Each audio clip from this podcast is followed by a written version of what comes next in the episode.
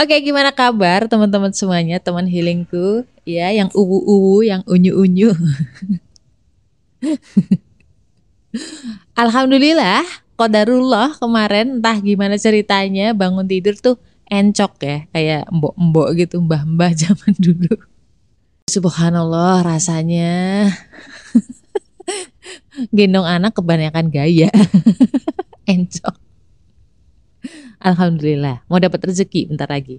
Itu kata-kata orang Jawa yang sederhana kayak ngayem-ngayemin tapi sebenarnya ayatnya tuh ada gitu loh. Orang zaman dulu kan belajar dari para kiai itu kan gak kebanyakan bantah ya. Pak Kiai ngendika apa atau bilang apa, samikna wa atokna. Jadi kita tidak tahu ayatnya, tapi mbah-mbah kita di zaman dulu itu mempraktekkan banyak ayat di di Quran dan juga hadis. Masya Allah ya. Jadi jangan heran ketika mbah-mbah kita tuh usianya sampai 100 tahun, 90 tahun. Iya beneran, mbah-mbah di desa gitu ya di gunung, mereka meninggal 70 tahun itu katanya mati muda. Dan sampai usia 70 tahun sampai hampir meninggalnya itu masih ke sawah gitu. Masya Allah ya. Karena hidup mereka itu berkah. Berkah dikasih rahmat, taufik sama Allah kadang kita yang masih muda-muda nih ya termasuk gua gitu kan. Gua kan muda. Kita yang masih muda jalan kaki setengah jam aja tuh kayaknya capek banget ya. Dari akun Billy 18623035998 Kenapa ya kak? Akhir-akhir ini tuh rasanya nggak karuan gitu. Kayak badan tuh nggak bersemangat rasa males terus nyerbu. Ya gitu kak. Rasanya kayak males aja mau ngapa-ngapain. Bingung deh. Ngomongin soal tubuh kita itu kan nggak simple ya. Sebenarnya faktornya tuh banyak banget. Faktor yang membuat kita tuh ogah-ogahan males. Faktornya tuh banyak banget nih Bill ubil kalau misalkan lo cewek coba dicek lagi deh apakah bentar lagi lo mau menstruasi? Kedua apakah memang load kerjaan kamu tuh lagi banyak banget untuk dua hal ini mungkin kita mudah menganalisisnya. Obatnya juga gampang. Yang nggak sulit untuk dianalisis adalah ketika malesnya kita itu ke-trigger dari psikis. Ini yang bakal kita bahas. Assalamualaikum. Gimana kabar lo? Alhamdulillah. Apakah lo lagi ngerasa kesepian atau sendirian? Kenalin, gue Ria Marliana, teman healing lo di podcast Self Healing. Di sini kita bakal ngobrol bagaimana sih belajar berdamai dengan luka. Tentu aja atas izin Allah Subhanahu wa taala. Semoga Allah sembuhkan lukamu, ringankan bebanmu dan kuatkan hatimu. Emang ngaruh mbak antara psikis ke tubuh? Ya jelas ngaruh lah ya. Manusia itu kan terdiri dari jiwa dan juga raga jiwa dan raga itu bersatu, bukan jalan sendiri-sendiri, pasti ngaruh satu sama lain gitu. Bahkan ada sebuah teori di psikologi itu bilang, mudah lelah adalah gejala depresi yang sering ditemukan pada kebanyakan orang. Selain mudah lelah, ada beberapa gejala depresi dalam bentuk psikis lainnya, seperti energi mudah terkuras, tidak bisa mengontrol emosi, dan sulit memahami sesuatu.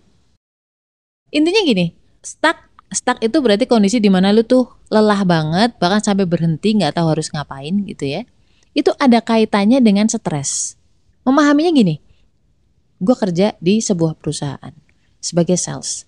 Katakanlah gue punya teman lain nih sama-sama sales. Kita berada di tim yang sama.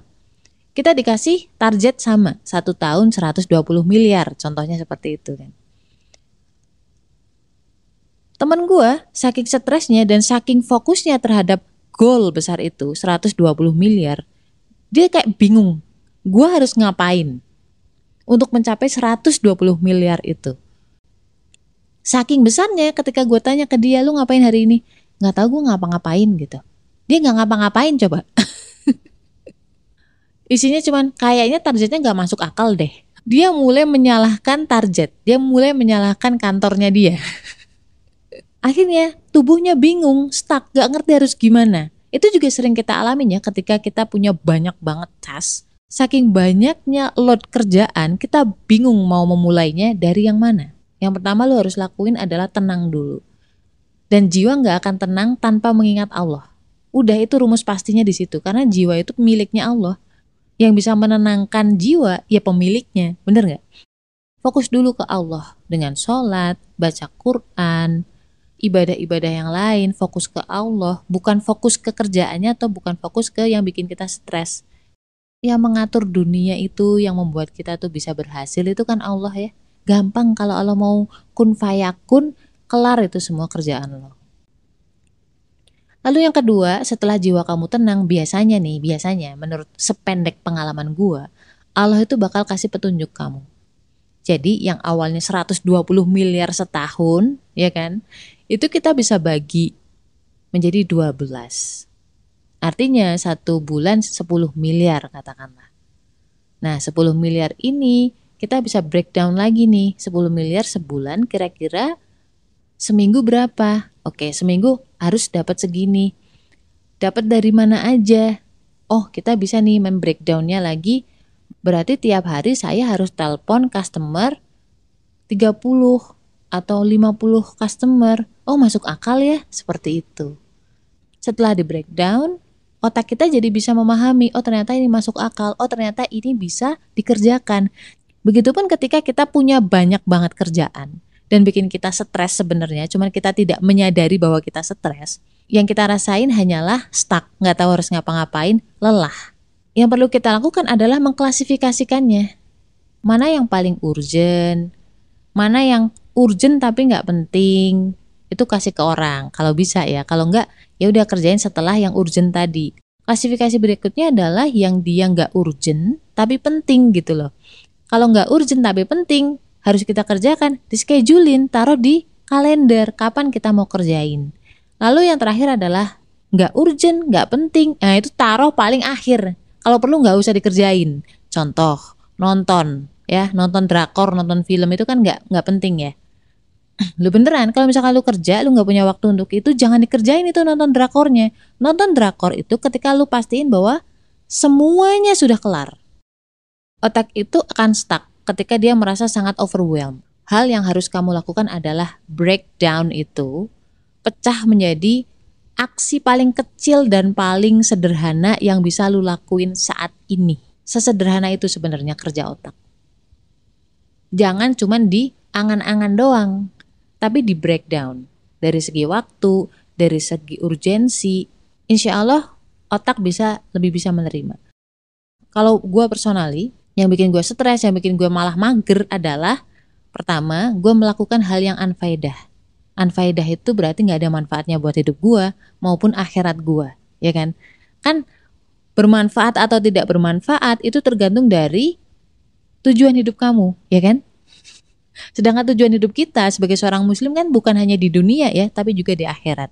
Artinya, ketika lo melakukan sesuatu yang nggak bermanfaat baik di dunia lo, apalagi akhirat lo, itu nanti akan menguras energi kamu. Itu udah hukum alam, hukum jiwanya begitu.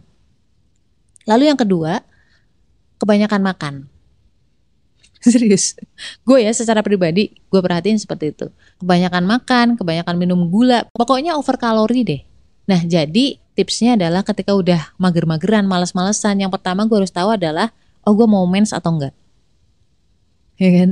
Lalu yang kedua, akhir-akhir ini gue ngelakuin apa nih yang gak ada manfaatnya yang mubazir gitu. Setelahnya kita tahu menahan diri dan gue orang yang paling sulit untuk menahan diri dari makan atau nyemil. Satu-satunya yang bisa menahan diri apa? Paksain puasa. Setelah dipaksain puasa, insya Allah setelah itu tuh kayak hidup jadi lebih mudah fokus untuk melakukan hal-hal yang penting. Allah akan bikin kita tuh melakukan hal yang penting, mencintai hal-hal yang bermanfaat. Dan setelahnya lebih mudah jalannya enteng aja gitu. Alhamdulillah Allah kasih pemahaman ke hati kamu bahwa kamu tuh kenapa ya akhir-akhir ini lelah gitu. Karena ada banyak orang yang tidak dikasih pemahaman seperti itu biasa aja gitu walaupun dia tidak produktif. Allah nggak kasih hidayah ke hatinya. Alhamdulillah kamu menyadarinya dan mau mencari tahu ilmunya seperti apa. Ketika kita sudah dikasih ilham sama Allah, hal pertama yang harus kita lakukan adalah ingat Allah, berdoa sama Allah, minta petunjuk sama Allah hidup itu nggak mungkin lepas dari stres. Yang jadi masalah adalah kita tidak tahu cara menggunakan stres itu, karena stres adalah trigger dari energi, trigger kita untuk bergerak.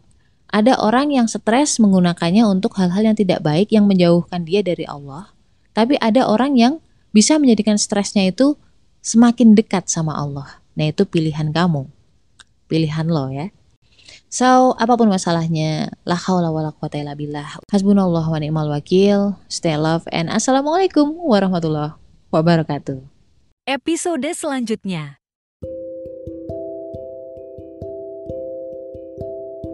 Tapi orang yang berhasil, orang menjadi ahli, menjadi experience, punya banyak skill, itu karena mereka berani mencoba.